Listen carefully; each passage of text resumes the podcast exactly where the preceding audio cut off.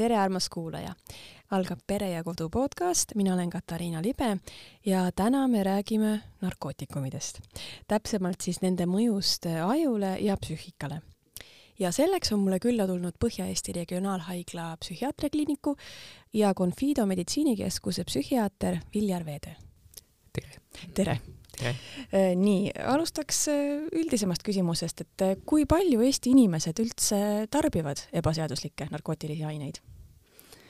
Ma vaatasin sellele küsimusele vastamiseks natukene statistikat kõige uuemat ja, ja noh, oleneb, millest me täpsemalt räägime, et kui noh, alkoholi, siis alkohol on ju meil kultuuris väga-väga kaua levinud olnud, et selle tarvitamine ikka massiline. aga, aga kui teistest ainetest rääkida, siis noh, näiteks vanusegrupis viisteist kuni kuuskümmend neli kõige uuema statistika järgi on kakskümmend viis protsenti inimestest on proovinud kanepit. Äh, ma arvan, et seal siis nii-öelda, kui hakata täpsemalt vaatama neid vanusegruppe, et siis see on kindlasti nagu tunduvalt suurem seal näiteks vahemikus viisteist kuni kolmkümmend ja kindlasti väiksem vahemikus viiskümmend kuni kuuskümmend neli.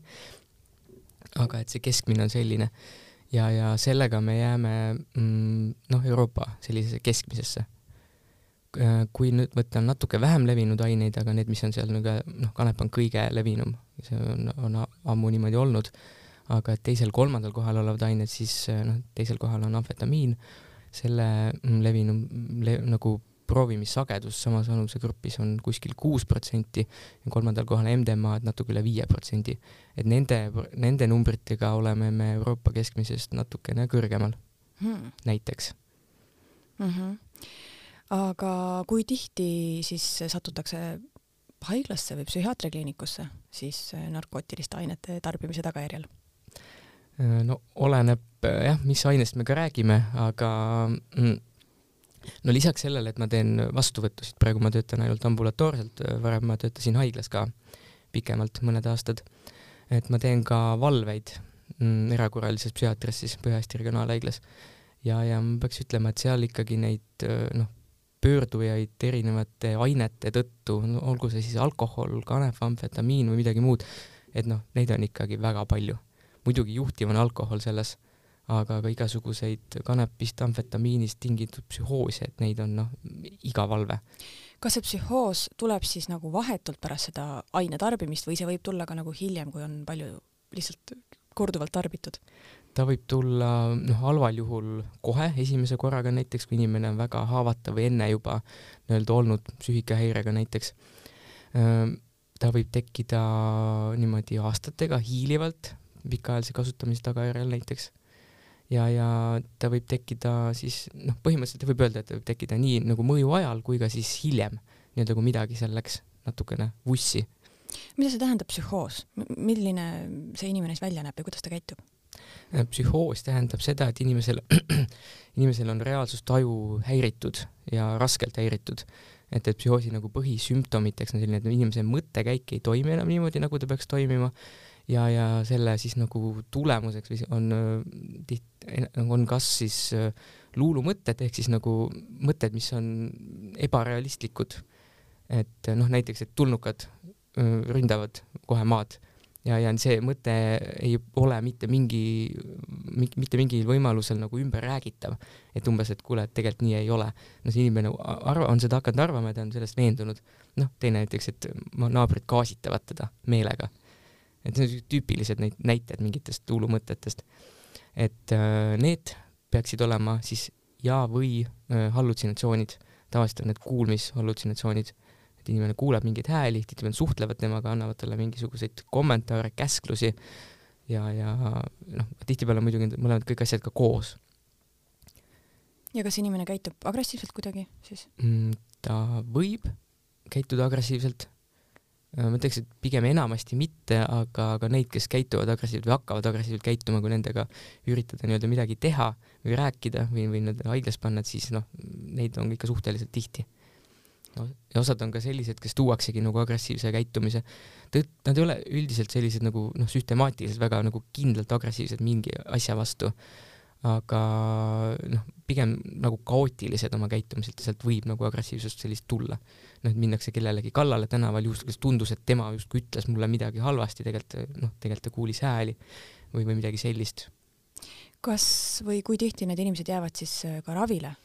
Või kui palju on keskmiselt praegu siis psühhiaatria haiglates ravil inimesi, kes on sinna sattunud narkootikumide tagajärjel mm,?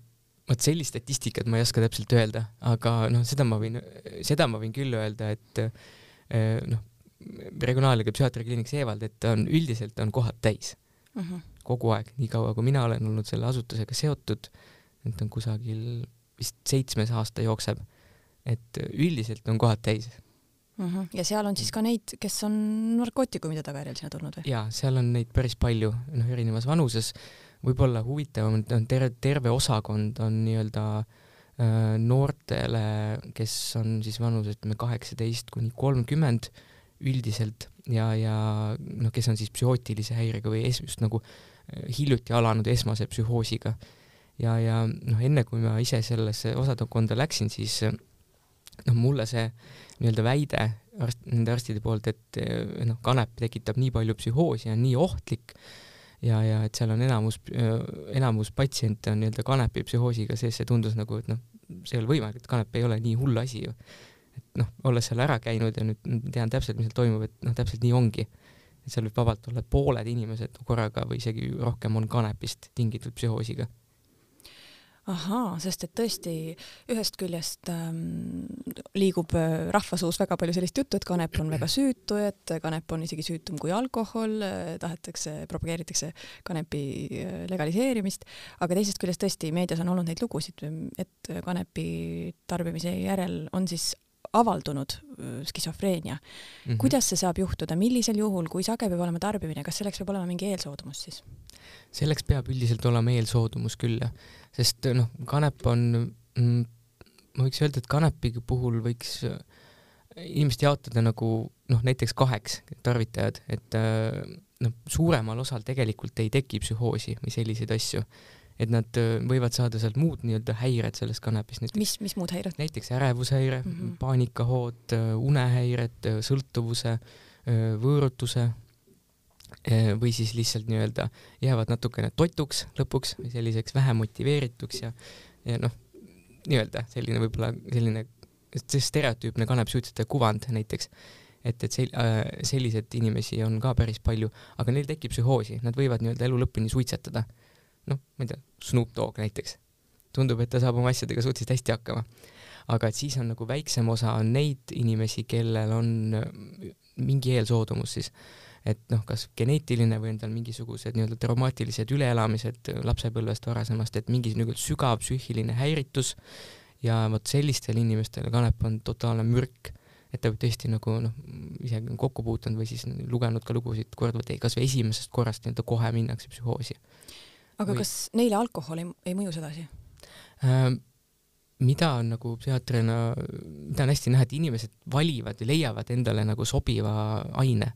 et ilmselt siis nagu ajukeemias või kusagil psüühikas on midagi nagu selles teatud, teatud moel valesti, mida siis aitab nii-öelda seda enesetunnet parandada mingit tüüpi aine ja osad inimesed noh, leiavad näiteks kanepi ma igasuguseid inimesi noh, olla, olles nagu näinud, kellel on sõltuvused ja probleemid erinevate asjadega, et noh, näiteks äh, mul ütlevad, et mulle meeldib, mulle meeldib kokaiin või mulle meeldib amfetamiin, alkohol üldse ei meeldi. see on vastupidi, näiteks proovisin amfetamiini üldse ei meeldi, et mulle meeldib just nagu alkohol, ikka nagu ennast täis juua, et see on mõnus. ja siis kolmandad on, kes näiteks eelistavad just kanepit, siis on need, kes tahavad opioide, leiavad nii-öelda need üles, mis neil kõige rohkem millegipärast sobivad ja osad inimesed on, kellel kanep midagi spetsiifiliselt nagu annab, et nad just, just seda ainet tahavad nii väga, väga nagu tarvitada. tulles tagasi siis selle kanepi ja skisofreenia või psühhoosi juurde, siis sa väidad, et kanep ei ole nii süütu? ei, absoluutselt mitte selles suhtes, et kui see kuvand meedias, praegu vist ei ole nagu nii väga sellest enam räägitud, aga mingid aastad tagasi küll nii-öelda see ravikanepi teema ja kõik noh, et noh, alati see võrdlus, et ta on ohutum kui alkohol. ja ma võiks öelda, et niimoodi noh, hästi laias laastus ilmselt ta ongi ohutum kui alkohol, aga meil on teatud osa inimesi, kelle jaoks kanep on oluliselt ohtlikum kui alkohol ja me alati ei tea, kes need on. selles suhtes, et noh, nii-öelda katsetada pigem nagu ei soovitaks. et kas just mina olen see, sest mõne, mõnel inim-, noh, psühhoos on küll skisofreenia suuresti geneetiline, aga et ikkagi on väga palju inimesi, kellel nii-öelda varem pole kuskil olnud psühhoosi suguvõsas ja, ja siis, äh, siis see kusagilt järsku tekib millegipärast. ega me ei tea alati, miks mm. -hmm. ja see võib siis niimoodi ka vallanduda, et seda on juba keeruline ravida või on võimalik inimest siis ravida? no psühhoosi puhul nii-öelda on fifty-fifty see, et kas sealt tullakse välja nagu üldse või mitte. et pooled kusagil tulevad ja teistel pool jäävad nad korduma ja iga psühhoosi episood on tegelikult nagu nii-öelda ajus toimub ikkagi mikrotasandil kahjustus. Ja ütleme kaks-kolm korda juba, et siis ilmselt noh, see inimene enam nagu normaalset elu elada ei saa. Et ta jääb nii-öelda krooniliseks haigeks, töövõime on tal kindlasti langenud, vaimne võimekus hakkab alla käima ja, ja noh, palju siukseid patsiente on tegelikult, kes nagu käivad eluaeg, ma ei tea, nelikümmend, viiskümmend, seitsekümmend korda haiglas olnud, umbes iga aasta mitu korda, kuu, mitu kuud, sest noh, lihtsalt see asi tekib uuesti ja kui neid aineid sinna peale tarvitatakse, no siis läheb see asi kohe õitsvalt käima jälle psüh, psühhoos. nii et äh, kanepi tarbimine on põhimõtteliselt vene rulett, ma saan aru? noh, võib niimoodi tõmmata küll selle paralleeli, jah. et tegelikult, kui sa proovinud ei ole, siis sa tegelikult ei tea, kuidas see sulle mõjub, jah mm -hmm.? et noh mm -hmm., alkoholiga näiteks on, et kui piisavalt palju juua, siis äh, igaühel tekib ilmselt deliirium lõpuks. et äh, aga noh, kanepiga on see, et kellel, kellel tekivad nagu rasked probleemid, kellel mitte. Et alkohol on näiteks teistmoodi, et, et jah mm. -hmm. nii et kanepi legaliseerimist sa ei toeta? mul ei ole seisukohta selles, ma olen mõelnud selle peale, et seda on enne ka küsitud mult, et kas ma toetan või mitte. et noh, minu jaoks see küsimus on äh, nii-öelda poliit-, uimastipoliitika küsimus, et selle jaoks on eraldi eksperdid olemas maailmas, et nii-öelda noh, minul arstina ma ei tunne, et ma olen pädev üldse sellisele asjale vastama hmm. Ma võin nii-öelda anda seda input'i sinna või sisendit selle noh, oma teadmiste kohta mm -hmm. vot seesama näiteks, et kuidas see kannab psüühikale mõjub, kui suur on tõenäosus, et see ja teine ja kolmas asi juhtub, aga see, et nii-öelda ühiskondlikul tasandil, sinna tulevad muud aspektid ka nii-öelda juurde, noh, majanduslikud aspektid hästi palju näiteks et vot selle koha pealt mina ei oska nagu öelda. aga kuidas on lood äh, psühhoosidega nendes riikides, kus äh, kanep on legaalne äh,? ausalt öeldes äh, ma nüüd päris sellist statistikat ei tule ette, aga mm, nii-öelda skis-, näiteks skisofreenia, no klassikaline krooniline psühhoos, skisofreenia esinemissagedus on meile noh, teadaoleva aja jooksul, kui üldse on nii-öelda sellest haigusest teatud, on kogu aeg umbes üks protsent elanikkonnast mm.. see on natuke müstiline, et kuidas see, noh, miks ta näiteks ei suurene või vähene või, või mis, mis seal nagu toimub. et äh, aga uimastipsühhoose selliseid on küll, ma arvan, et ikkagi rohkem, need ained on palju rohkem nagu levinud olnud just nagu mida aeg edasi, seda lihtsam kõiki asju kätte saada on mm. -hmm. aga, aga täpselt ma ei oska seda, seda öelda, seda peaks USA-s on ilmselt mingi statistika selle koha pealt olemas mm. -hmm. millised on äh, kõige ohtlikumad ained? millised on ohtlikumad ained, millised on vähem ohtlikumad narkootilised ained kõige ohtlikum aine on alkohol et äh, noh ah,, nii-öelda sellele si, siin on jälle, et nii-öelda see oleneb, mille, kas, millest me täpsemalt räägime, et ohtlik millele ja kellele täpselt ja mis kontekstis. et äh, noh, üks uuring, mida hästi palju on tsiteeritud, sellest võib äkki hakkab saama vist isegi varsti juba mingi kümmekond aastat, kui see avaldati äh, Inglismaa ekspertide poolt et äh, seal oli väga-väga põhjalikult siis noh, täielikult oma ala tipp nagu spetsialistid seda küsimust siis analüüsinud täpselt, mis on kõige ohtlikum uimasti ja seal ma arvan, et leidsid kuskil mingisugune viisteist, kakskümmend nagu alakategooriat, mille järgi seda ohtlikkust siis sai hinnata. kõik asjad kokku pandi, et siis alkohol oli, oli seal noh, kindlalt number üks. et siin on nii-öelda, noh, tal on, ta on üpris kahjulik äh, keskmisest kindlasti tunduvalt kahjulikum nii-öelda inimese tervisele ja ta sõltuvuspotentsiaal on üpris suur aga ka sinna tulevad juurde need äh, noh, majanduslikud ja sotsiaalsed aspektid, nii-öelda seos õnnetustega, traumadega, äh, vägivallaga, just koduvägivallaga, et see on see, kust äh, noh, tuli see nii-öelda suur osa juurde, miks ta siis platseerus number üks kohale. aga teine ja kolmas olid, kui ma õigesti mäletan, siis heroiin ja metamfetamiin. ja need ained on just niimoodi, et nad Nad on noh, al-, alkoholist ohtlikumad nii-öelda inimese tervisele vaimsele ja just, vaimsele ja füüsilisele tervisele, neil on suurem sõltuvuspotentsiaal kui alkoholil näiteks. aga et nendega ei kaasne nii-öelda noh, neid sellist collateral damage'it nii palju kui alkoholiga näiteks. Mm, -hmm. kes on juba sõltuvuses, nad nii-öelda suhteliselt isoleerunud, noh, nad varastavad küll, see oli seal üks asi, nii-öelda tekitavad mingi, mingil määral majanduslikku kahju teistele, saavad oma doosi kätte siis nad on jälle suhteliselt üksi. aga alkoholijoobes inimene kipub ju mingeid asju tegema ja lällama ja kaklema ja autoga sõitma, et, et ja külastama EMO hästi palju, näiteks need meditsiinikulud ka sinna juurde mm. -hmm. ja alkoholism mõjutab tervet perekonda mm. -hmm, just mm. -hmm nii, aga räägime natuke teistest ainetest veel, näiteks hallutsinogeenid, näiteks LSD. kas see võib ka psüühikale jätta mingi püsiva kahjustuse mm,? võib küll jah. et noh, LSD tarbimine on suht-, mõtlen, noh, ta on kõige levinum hallutsinogeen, kõige tuntum juba olnud ammu, see klassikaline, ja ta on ka statistika järgi kõige rohkem nagu levinud. aga noh, kindlasti ei ole tal nii palju tarvitajaid ja proovijaid olnud, kui on näiteks noh, need teistel ainetel, millest täna oleme juba rääkinud siin mm. -hmm. aga milline see mõju siis võib olla psüühikale uh,? noh, LSD on hästi-hästi tugeva ja ettearvamatu nagu efektiga psüühikale. et äh, noh, tuleb ette küll mm, inimesi, patsiente siis haiglast, kes on näiteks ka LSD-st läinud psühhoosi, et rohkem kui üks kindlasti tuleb meelde nende aastate jooksul. aga noh, ma ütleks, et võib-olla kõige nagu äh, sellisem tavalisem nii-öelda patsiendi kogemuse kirjeldus LSD-st on see, et ühe korra proovisin, oli päris huvitav, väga intensiivne, rohkem ma ei taha. et see oli veits liiga hull mm. -hmm. et äh, et üldiselt ta siis jah. ikka kõige ohtlikum ei ole, jah?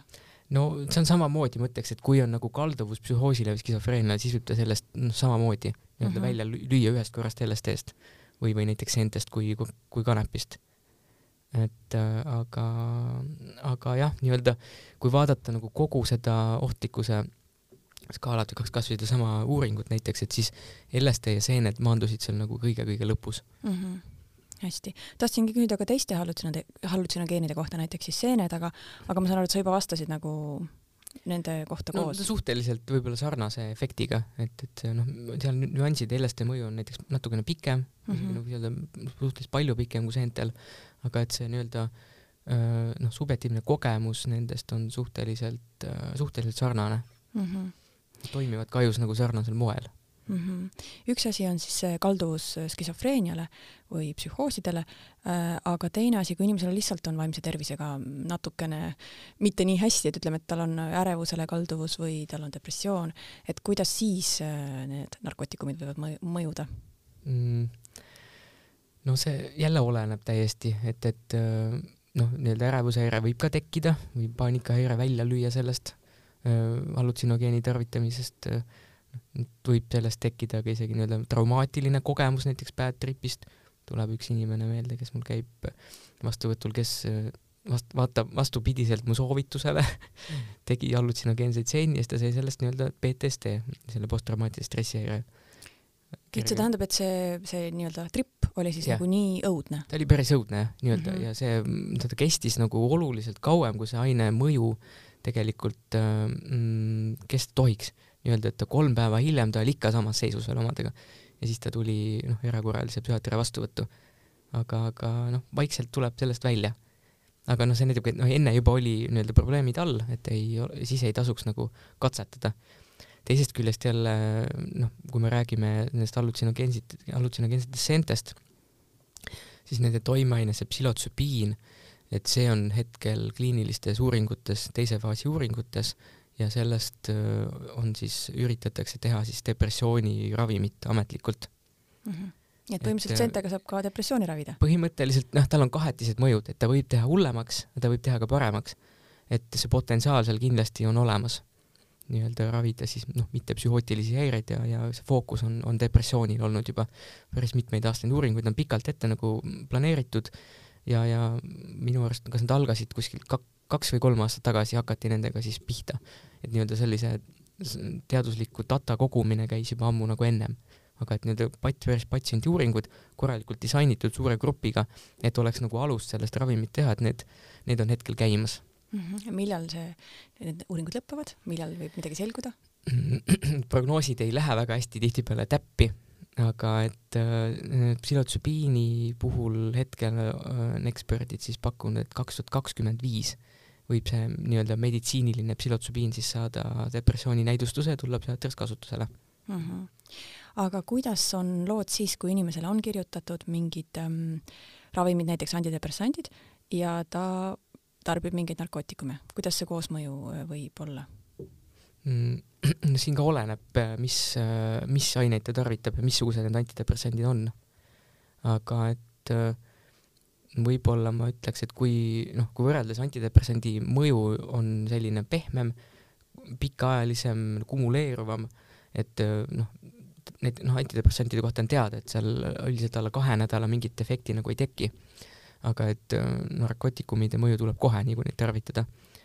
ja siis nad noh, eks nad on selle võrra tugevamad ja kui antidepressandid on ka, mida inimene võtab, et siis nii-öelda need segavad kindlasti nende antidepressantide mõju. et seal ei pruugi midagi nagu ohtlikku olla, võib, oleneb nagu ainest, aga, aga just, et noh, ei lase neil kindlasti nagu toimida ja kõik see nii-öelda kompott seal ajus läheb, läheb segamini -hmm,. okei et sellest võib siis järgneda mingi selline pikem nagu nii-öelda vaimne pohmell või mm,? jah, ta oleneb täiesti mm -hmm. ainetest, aga noh, igal juhul asi, mida ei tohiks nagu teha mm. -hmm minnes nüüd aineid pidi edasi, sa mainisid enne heroiini, kui ohtlik on heroiin ja, ja kas see vastab tõele, et, et sellest võib põhimõtteliselt esimesest korrast sõltuvusse jääda? mm,? jah, vastab küll. nii-öelda heroiini ja, ja fentanil opioidide noh, see, et nendest tõenäosus sõltuvused on kõige suurem, et noh, see on ammu teada.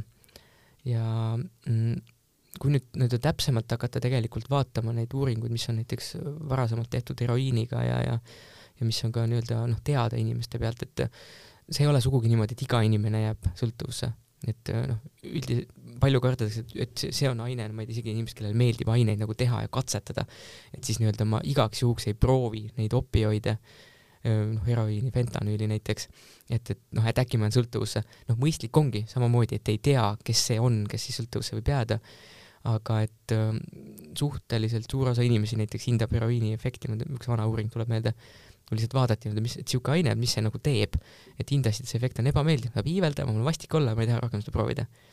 Et seal on samamoodi need teatud inimesed, kellel on mingi kalduvus nii-öelda selle äh,, ilmselt on siis nagu selle keha omase opioidsüsteemi mingi häire tekkinud, et nendel äh, tekib see sõltuvus täiesti, võib esimesest korrast, et see kogemus on niivõrd võimas ja nii teistsugune, et noh, edaspidine elu nii-öelda surmani keerleb ainult selle ümber, et kust seda sama tunnet uuesti saada.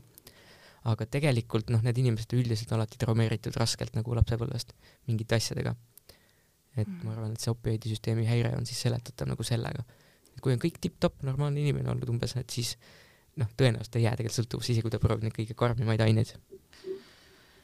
nii et äh, sellisel juhul, kui inimene on väga siis aldis heroiinisõltuvusele, et teda on siis praktiliselt võimatu sealt saada, sellest sõltuvusest välja no, saada? ikka suht, ikka suhteliselt raske, jah mm. -hmm sa ütlesid, et, et kõik inimesed ei ole siis, ei, ei jää sõltuvusse. Ja kuidas on alkoholiga või alkoholismiga, millised eeldused siis peab, peavad selleks olema, et, et, et saada alkohoolikuks?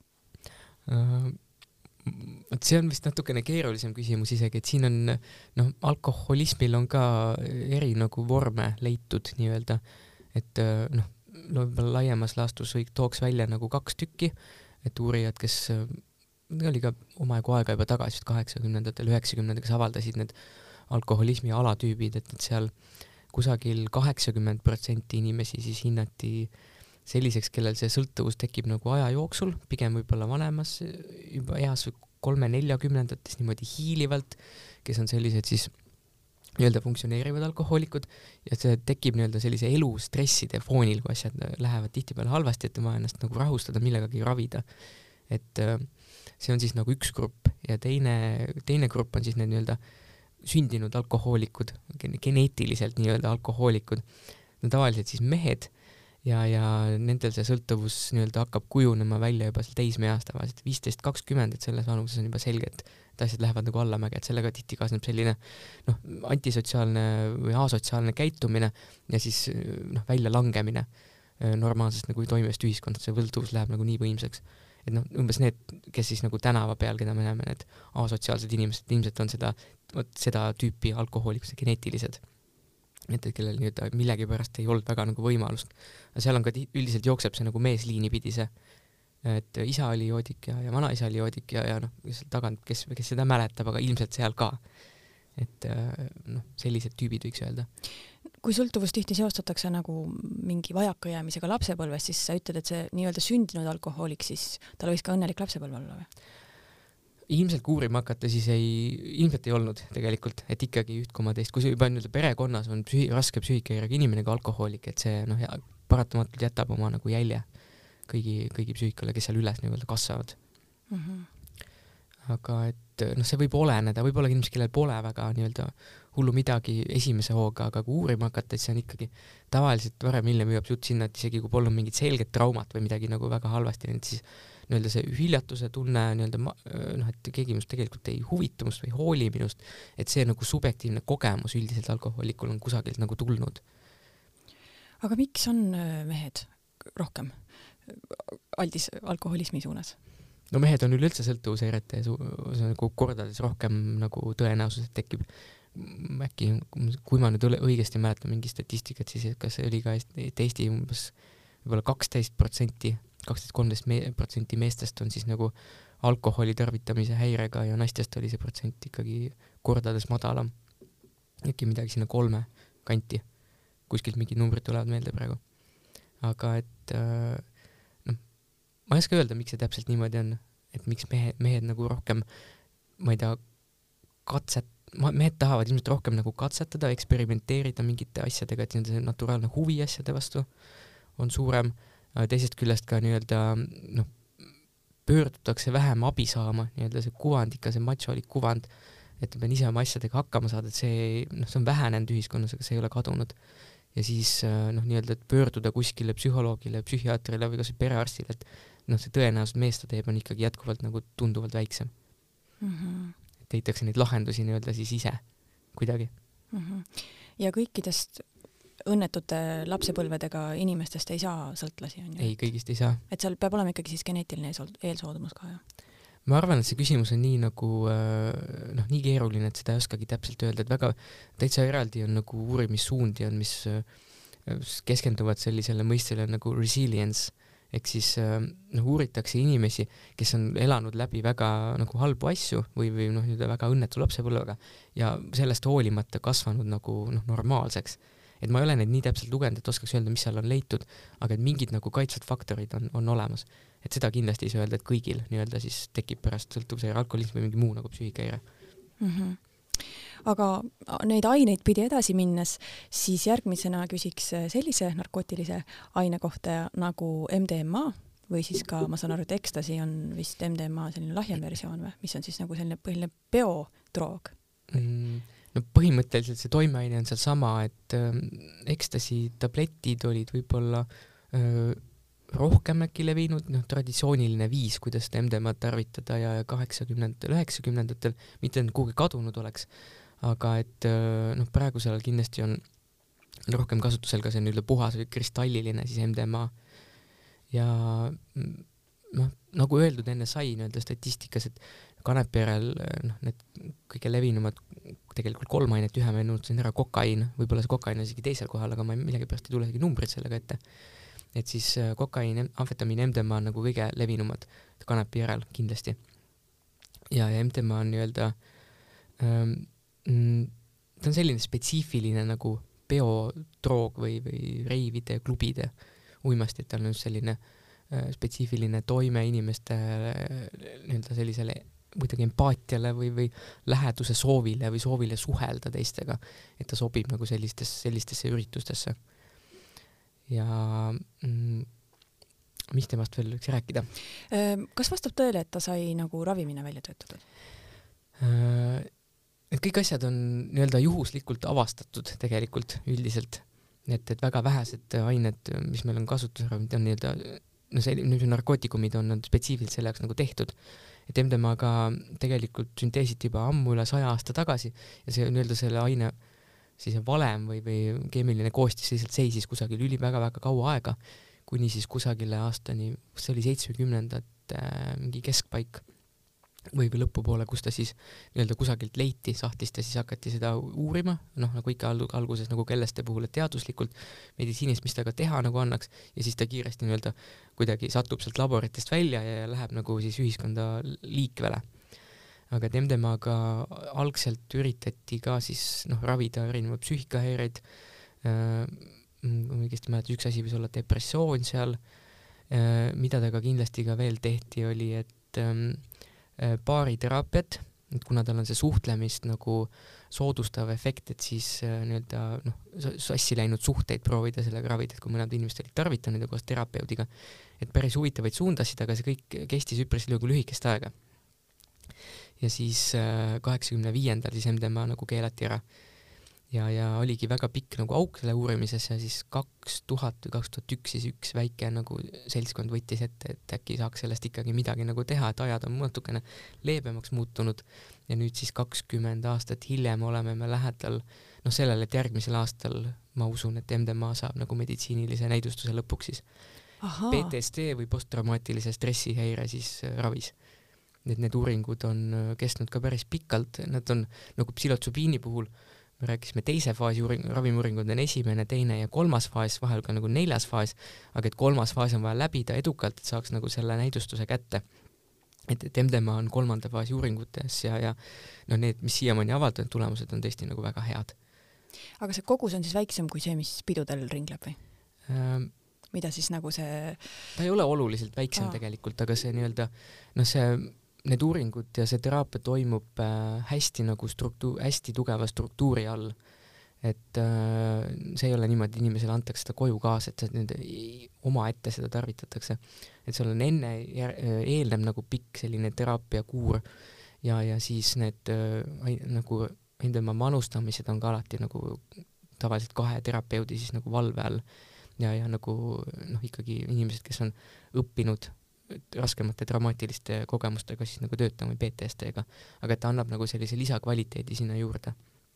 ja noh, ma ütlen, tulemused on tõesti nagu hästi-hästi-hästi head siiamaani, mis on välja tulnud. okei okay,, väga põnev, aga ma tahtsin küsida ka MDMA mõjule, mõju kohta psüühikale, et kas sa oled psühhiaatrina näinud ka MDMA tagajärjel kedagi tulemas kliinikusse ähm.?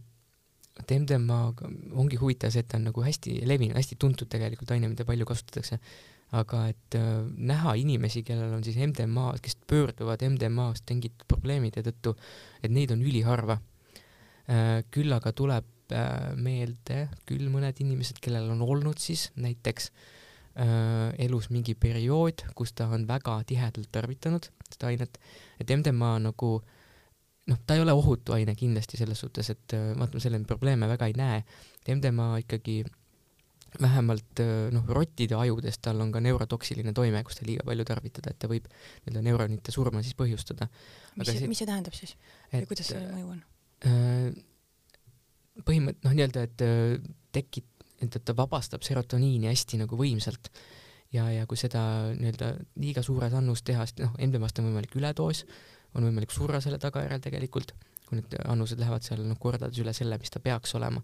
et noh, iga aasta tuleb ette ka Euroopas MDMA surmasid, ma ei ole kindel, kas Eestis ka, ei ole otseselt kuulnud, aga, aga noh, Inglismaal näiteks küll iga aasta.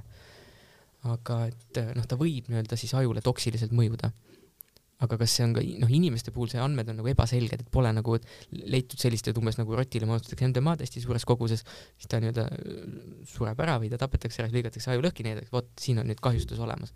et sellist asja nagu inimestel ei ole suudetud tõestada ei ühte ega teistpidist. aga et nii-öelda vaimset võimekust ja mälu ta võib küll nii-öelda häirida.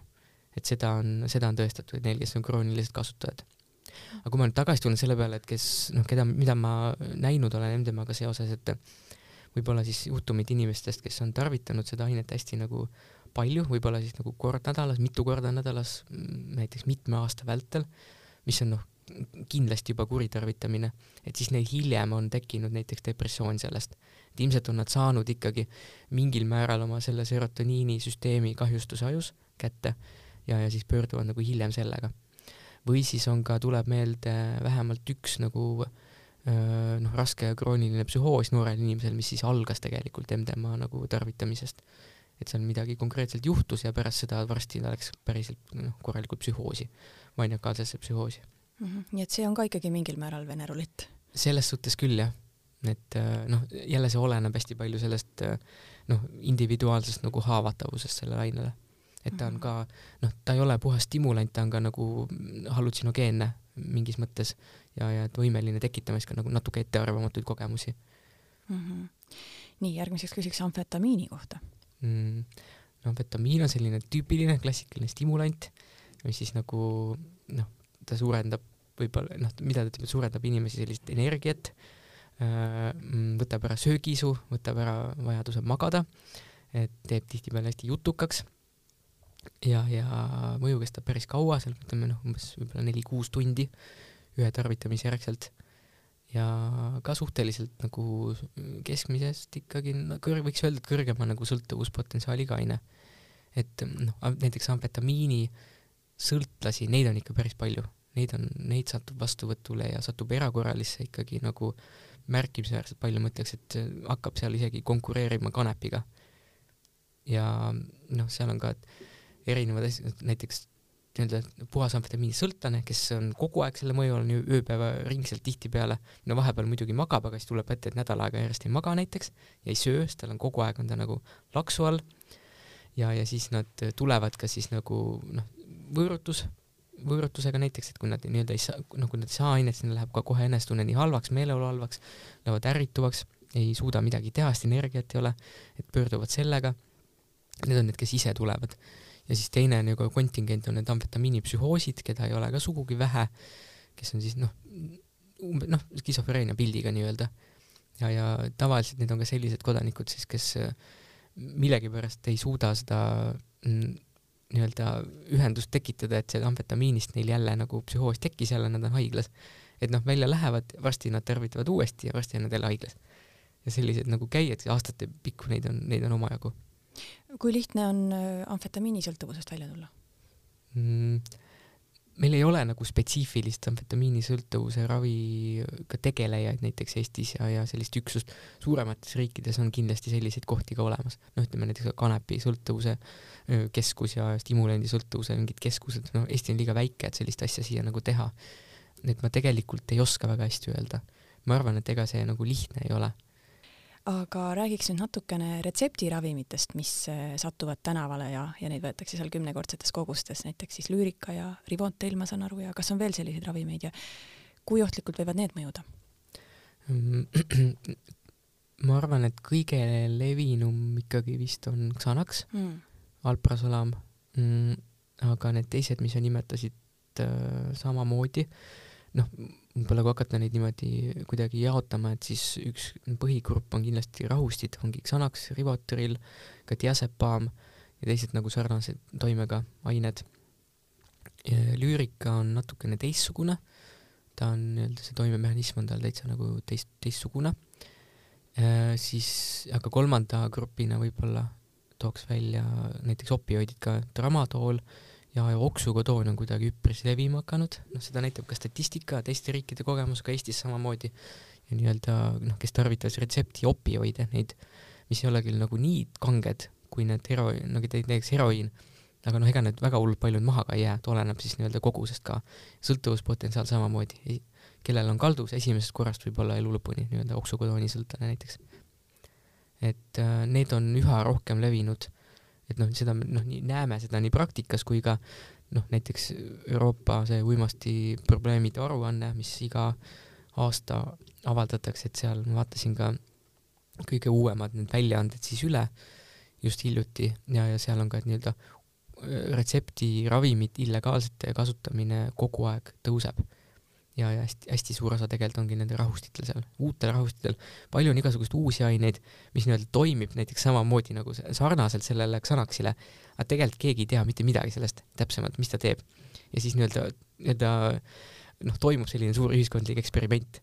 ja sellised asjad tulevad tihtipeale kusagilt sealt Hiinast, Hiina mingitest underground laboritest ja, ja müüakse interneti kaudu. ja siis äh, nii-öelda on neid katsetajaid sellistele ka üha nagu rohkem ja noh, kõige hullem on see, et me ei tea, mis nad täpselt teevad, võib-olla neil on mingi ettearvamatu toksiline mõju, võib-olla nad mõjuvad südamele näiteks kuidagi.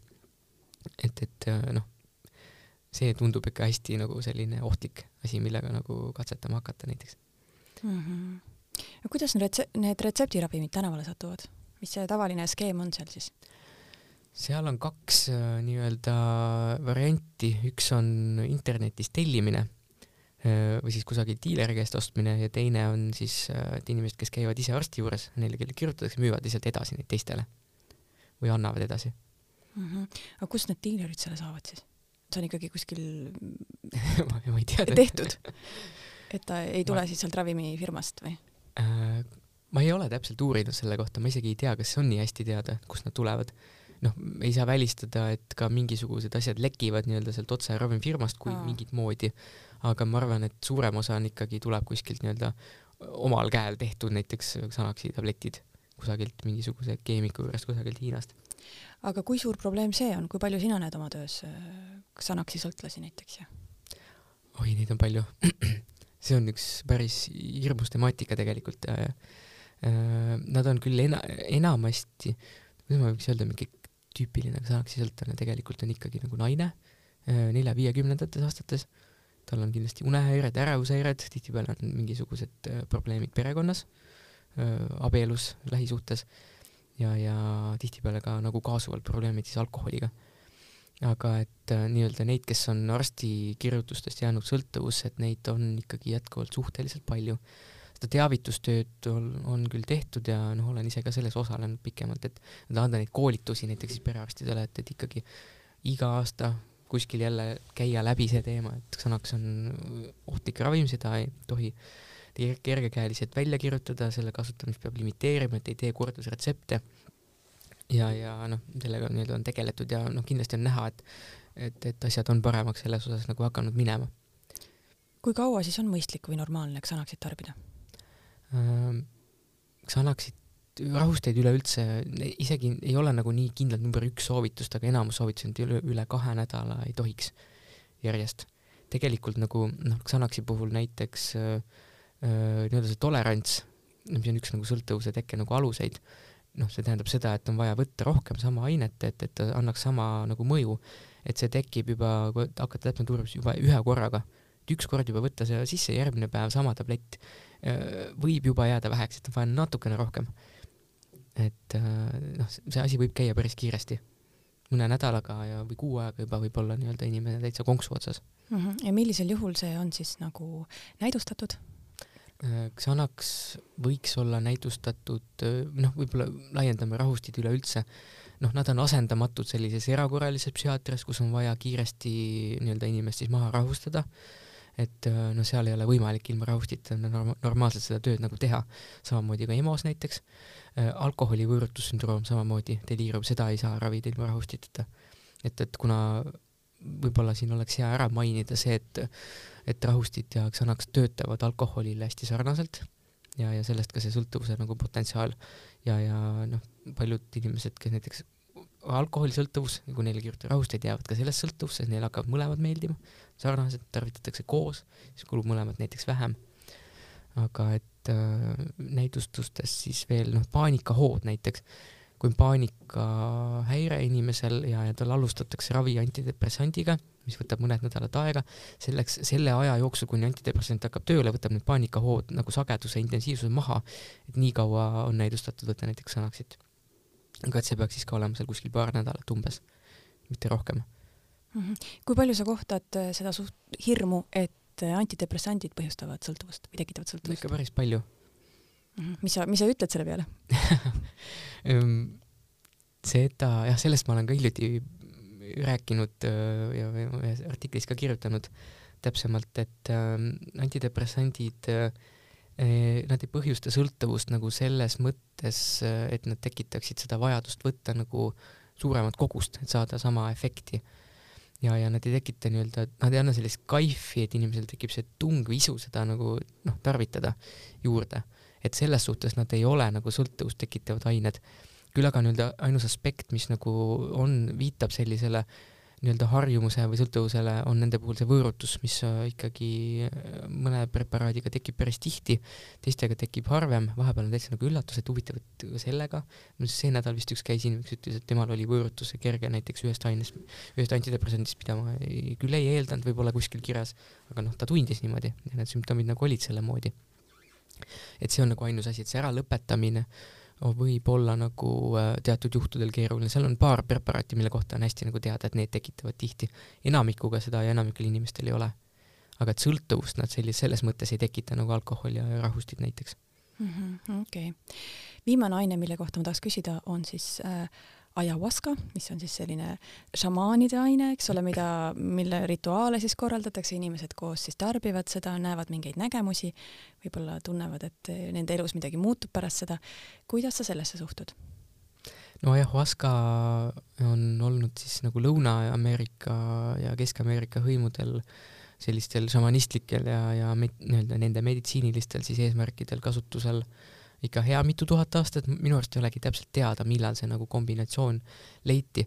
iseenesest on huvitav, et suudeti džungli nagu miljonitest liikidest äh,, taimedest leida üles nii-öelda kaks tükki, mis on äh, kokku pannes annavad ayahuasca et, et neid Neil oli ilmselt aega proovida seal. Neil oli aega proovida, noh, indiaanlaste, indiaanlased ise väidavad, et taimed ise ütlesid neile mm., et, et see info ei tulnud nagu kuskilt lambist mm. -hmm. et, et, äh, et selline nagu nii-öelda jook sai siis tekkida.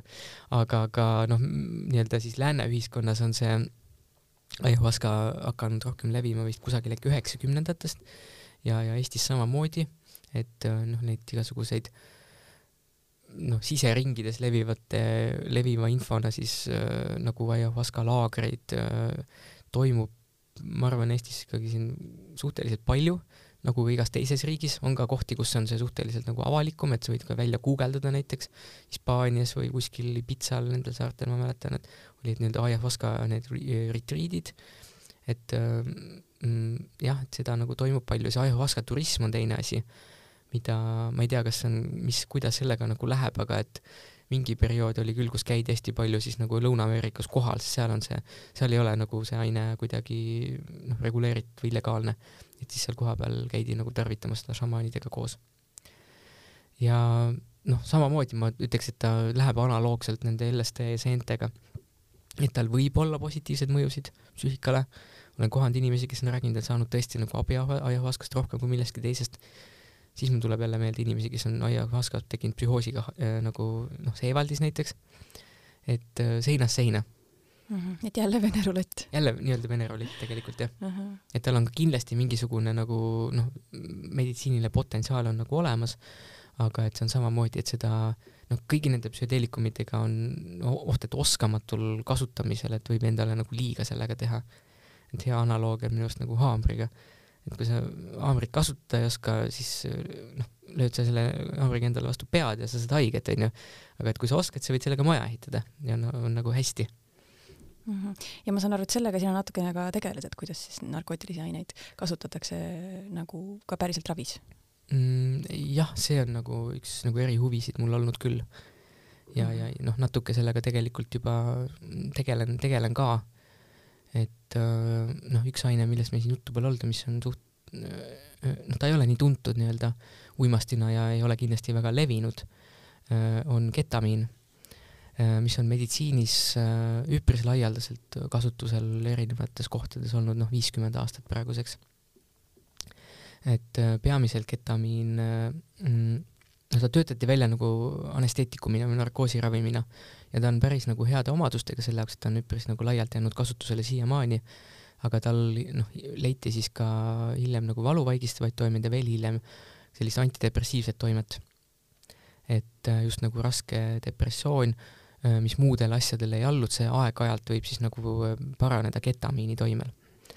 ja, ja noh, mm, ma arvan, et see see oli vist kuskil kaks tuhat kuus, kui üks uuring avaldati selle kohta, kui ühed äh, vist ma arvan, et Itaalia või Hispaania grupp, et, et päris head nagu tulemused, et depressioon nii-öelda siis paari korraga juba nagu leevenes siis päris suurel hulgal inimestel ja siis hakati seda ketamiini teaduslikult nagu psühhiaatrias äh, väga intensiivselt uurima. ja, ja see kasutamine siis ka nagu levis maailmas päris jõudsalt et noh, Ameerikas on juba ammu olnud, noh, aastaid juba praeguseks olnud siis nagu tasulise ketamiinravi nagu äh, kliinikud, kus siis käiaksegi nii-öelda saamas seda ravimit äh, mingisuguse ajaperioodi tagant ja hoiab siis teatud osal inimestel nagu depressiooni kontrolli all selle, noh, sellisel viisil, kui, kui teised, teised ravimid, tavalised antidepressandid ei toimi näiteks. ja noh, see teema on, millega mina olen ka siis Eestis ilmselt võib-olla kõige rohkem kõigist psühhiaatritest tegelenud et noh, niisugune ketamiinravi nii-öelda üksus, üks loojatest olema seal Confido meditsiinikeskuses, et eelmisel kevadel selle avasime ja noh, võib öelda, et seal on ka erinevaid tulemusi, et ma ei saa kin-, seda kindlasti öelda, et kõik inimesed ka sellega nagu abi saaksid, et kui ikka väga mingid rasked kroonilised depressioonid, et, et ei parane alati ka ketamiini toimel, aga on tõesti neid inimesi öö, omajagu ka käinud juba, kes on siis lõpuks saanudki abi just sellest, et kui muud asjad pole enam nagu toiminud. Ja, ja kui nüüd korraks nagu minna sellesse, mis efekt on olnud seal ketamiini teaduslikul uurimisel, et noh, kaks tuhat üheksateist sai näidustuse siis ketamiini, äh, ketamiini baasilt välja töötatud äh, ravim, mis on siis ametlikult depressiooni näidustusega. Eestis on see olemas siis äh, või saadaval eelmisest aastast ka ja, ja sellest aastast on ta näiteks Haigekassaga teenuste nimekirjas täiesti. et nii-öelda noh, need selle uurimise viljad siis nii-öelda on, on käes nii-öelda. kas see ketamiini ravi on Confidos kõigile kättesaadav praegu või? ei ole selles suhtes, et me oleme ikkagi suhteliselt ranged kriteeriumid sinna pannud, et igaüks, kes sinna tahab tulla, kindlasti ei saa seda ravi. et see peab ikkagi olema noh, inimene, kes sobib nii-öelda oma diagnoosi poolest, oma haiguse kulu poolest, tal peab olema näidatud, et ta on äh, proovinud piisavalt antidepressante, mis pole toiminud, neid inimesi kahjuks on omajagu palju aga noh, näiteks tulla, et ma tahan kohe ketamiiniravisid, me ei, noh, me, me ei võimalda sellist asja talle. ja kindlasti peab olema teada, et ta ei ole olnud mingite ainete tõsisem nagu kuritarvitaja, sõltlane ja, ja kindlasti mitte ketamiini. vaid nagu oli, on üks inimene küll olnud, kes nii-öelda tahtis lihtsalt ilmselt kaif, noh, kaifi saada ja küsijaid on olnud ka, olnud omajagu, kes siis helistavad ja uurivad, et kas oleks võimalik niisama saada.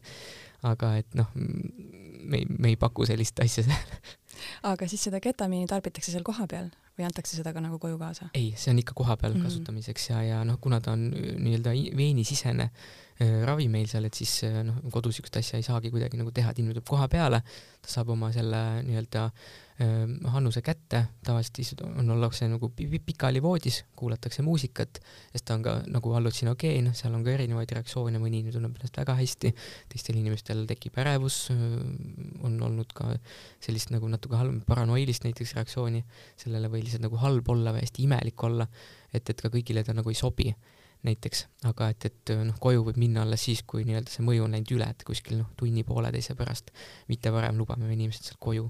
Ja samad näidustused on selle noh, uue ravimiga nüüd, mis on siis noh, S-ketamiin tegelikult on ta nimi, et on hästi-hästi sarnane ketamiiniga, aga et äh, manustatakse ta ninna, ninaspreina ja, samamoodi, et see saab olla ainult nagu noh, haiglas, kliinikus koha peal ja siis äh, tervishoiutöötaja järelevalve all, kes on siis noh, sertifitseeritud sellist asja nagu manustama, et koju selliseid asju ei anta, Eestis vähemalt mitte. Küll aga tean, et, et näiteks USA-s, kus on asjad natukene teistmoodi, et seal on osad kliinikud teinud näiteks ise ketamiinist äh, selle ninasprei ja siis seda antakse inimestele koju ka kaasa, et vahepeal näiteks ka mingi noh, kas täitsa iseseisvaks manustamiseks või siis on näiteks mingisugused Skype'i videokõne teel need äh, mingid teraapiasessioonid ja siis mm. tehakse nagu ketamiini raviteraapiat ka seal nagu suuremate annustega, tegelikult toimub igasuguseid huvitavaid asju mm. -hmm. hästi, ma küsiks siis nüüd äh, üsna lõpetuseks sõltuvuse kohta siukse laiema küsimuse, et et kas, kui sõltuvusest vabaneda, kas ta võib jätta psüühikale ka mingi pikemaajalise jälje või äh, kas sõltuvusest üldse saab kunagi vabaneda? absoluutselt sõltuvusest saab vabaneda. aga selles ja... mõttes, et kas sa jääd ikkagi alati selle ainega kuidagi, sul jääb mingi suhe selle ainega? seda küll, et ilmselt nagu uuesti tarvitama hakata ei saa, et siis läheb see asi jälle käima. nüüd kui see sõltuvus on välja kujunenud, siis ajus ikkagi mingid muutused tekivad, et nagu noh, päris üle see nii-öelda ei lähe.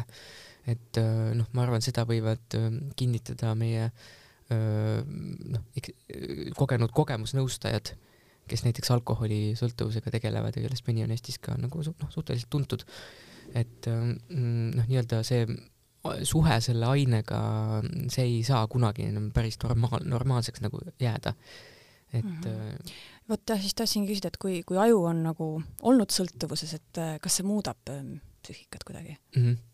kindlasti ta muudab selles suhtes. ja mm, ütleks, et äh, mm, tihtipeale ikkagi on vajalik nagu saavutada see noh, täielik kainus ja, ja et mitte enam nagu uuesti proovida. et noh, paljud sõltlased ikka, kes tegelikult suudavad välja tulla, no näiteks alkoholismist, et nad ikkagi noh, need tungid tulevad uuesti nagu tagasi ka aastaid, aastakümneid hiljem. et, et siis on lihtsalt see koht, et kas ma nüüd murdun või mitte. et, et kui seda suudetakse, suudetakse teha tihtipeale, tihtipeale ka ei suudeta, et oleneb hästi palju inimesest mõned suudavad seda omal käel mm, teha, teised äh, nii-öelda pöörduvad näiteks anonüümsetesse alkohoolikutesse ja, ja pöörduvad siis mingi kõrgema jõu poole või, või noh, kristlusesse, jumalasse, äh, teised käivad spetsialistide juures, aga, aga on ka neid tegelikult kergemaid sõltuvuse vorme, millest inimesed tulevad nii-öelda igal pool meie ümber igapäevaselt ise nagu välja täiesti ilma igasuguse kõrvalise abita ka nii-öelda tihtipeale need on mingid asjad, mis on nooremas eas alanud ja siis nii-öelda kuskilt noh, natuke vanemaks saades või keskeas, et siis nagu lõpetatakse see, nii-öelda lõpetatakse see pull ära näiteks mm. -hmm. no täiesti viimasena ma nüüd küsiks, et kuna meil on ikkagi Pere ja Kodu podcast suunatud lapsevanematele, siis kuidas rääkida oma lastega narkootikumidest ja mis võiks olla see sõnum, mis, mis võiks olla see, mis võiks oma lasteni viia mm.? Noh, ma arvan, et äh, palju aitab nagu see, kui olla, olla nagu teadlik sellest, millest räägitakse. et nii-öelda kasvõi kuskilt natukene lugenud nende ainete kohta, et äh, noh, kuidas neid tarvitatakse, mis nad endast kujutavad, mis nad üldse nagu teevad. et äh, ma ei ole nüüd küll omajagu aega käinud, ma ei tea, kas see lehekülg on olemas nagu narko.ee, mis on siis Tervise Arengu Instituudi poolt tehtud, et sealt saab kindlasti nagu ülevaate nendest, mis ained üldse nagu olemas on, kui levinud nad on, noh, selle läbi siis kui suur on tõenäosus, et minu laps nagu selle otsa satub. et äh, see võiks kindlasti üks eeldus olla. ja noh, rääkida kindlasti sellest teemast nagu äh, mitte hukkamõistvalt, sest äh, ikkagi noh, noorte hulgas neid, kes on proovinud ikkagi väga-väga paljud see ei tähenda sugugi, et sellest mingisugused probleemid tekivad ja sellest mingit nii-öelda ühest kanepi proovimisest, kui sellest on midagi juhtunud, et sellest mingit hullu draamat hakata kodus tekitama. et ega sellest midagi head ei tule, tõenäoliselt lihtsalt on järgmine kord ei, ei räägita sulle emavisana sellest. mis nagu noh, kas, kas ta on veel midagi teinud või, või kas tal tekivad mingid probleemid või mis üldse nagu toimub ümberringi mm.. et seda ma võib-olla ütleks siia mm. -hmm. ma olen ise tähele pannud seda, et, et äh, usaldusväär-, vanemate usaldusväärsust vähendab see, kui nad ähm, ütlevad väga selliseid ähm, põhjapanevaid väiteid, mis ei pruugi tõele vastata, näiteks see, et narkootikumide ühest proovimisest jääd sõltuvusse. et kui juba vanem esineb sellise väitega, siis võib-olla kogu tema usaldusväärsus on natukene nagu õõnestatud mm. -hmm, absoluutselt et seda võib, võib nagu näiteks näha ka mingite noh, kes võtavadki rohkem sõna asjade kohta, et nad on väga mustvalge nagu maailmapildiga. et, et see kindlasti noh, võib-olla paljud inimesed ikkagi noh, meil on ju väga päris suur hulk inimesi ühiskonnas, nooremate kahe-kolmekümnendates inimesi, kes on nii-öelda mitteproblemaatilised uimastitarvitajad, kes ütleme aeg-ajalt siis ma ei tea, teevad seal kuskil paar korda aastas näiteks kokaiini või, või MDMA-d peol ja, ja muul ajal neil ei ole probleeme ainetega et noh, sellise väitega sellise kuulajaskonnani jõuda nagu kindlasti ei saa. et nad juba nüüd ütlevad, et noh, ma olen, ma ei tea, aastaid niimoodi teinud, mul kõik, ma ei tea, pooled sõbrad on samamoodi teinud, onju, et kellelgi ei ole probleeme, et noh, mismoodi selline inimene saab autoriteetne olla, kui ta sellise väitega nagu lagedale tuleb. ja, ja noh, noorte hulgas võib ka, et noh, noore võib teada palju rohkem kui tema vanem nendest asjadest, et siis see võib samamoodi täpselt sama efekti anda küll. ma olen täitsa nõus sellega mm. -hmm hästi, aitäh sulle, Viljar, et sa nii põhjaliku ülevaate andsid, minul oli igal juhul väga põnev, ma loodan, et kuulajal oli ka. no ma loodan ka, aitäh kutsumast. jah, ja aitäh, armas kuulaja, et sa meid ära kuulasid. järgmine saade on nagu ikka üleval nädala pärast